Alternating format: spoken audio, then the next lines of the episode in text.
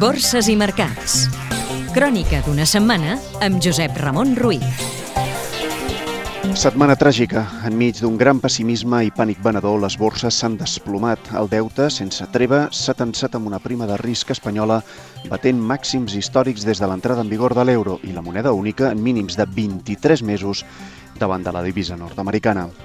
Vendes arreu després d'un alentiment de l'economia nord-americana amb unes negatives xifres d'atur al maig i d'unes dades macroeconòmiques europees com ara l'atur, l'activitat manufacturera o les dèbils dades de confiança que demostren que la crisi de l'euro comença a castigar les grans economies de la regió amb Espanya en el punt de mira, aquí, enmig d'unes sessions d'infart amb una volatilitat gairebé mai vista i després de tancar el pitjor mes de maig de la seva història amb unes pèrdues superiors al 13%, l'IBEX 35 s'ha enfonsat aquesta setmana un 7,5% i se situa en els 6.065 punts, nou mínim anual, amb una gran desconfiança sobre un sistema financer espanyol que ha incrementat fins a nivells rècord la sortida de capitals uns dubtes sobre la banca espanyola amb la crisi de Bankia al capdavant que ha fet perdre als bancs 11.000 milions d'euros de capitalització borsària.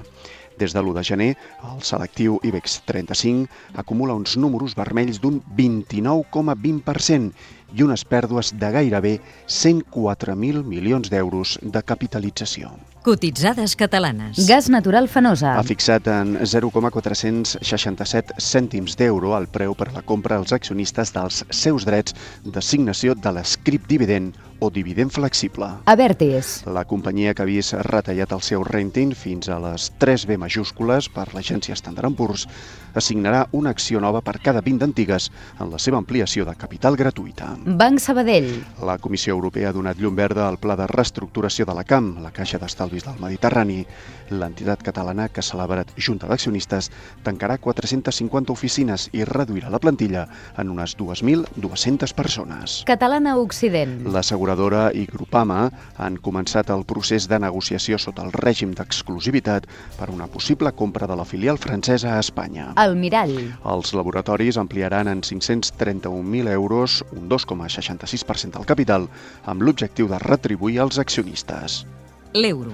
Itàlia, Grècia i sobretot Espanya han trasbalsat i depreciat la moneda única respecte de la divisa nord-americana fins a mínims de 23 mesos.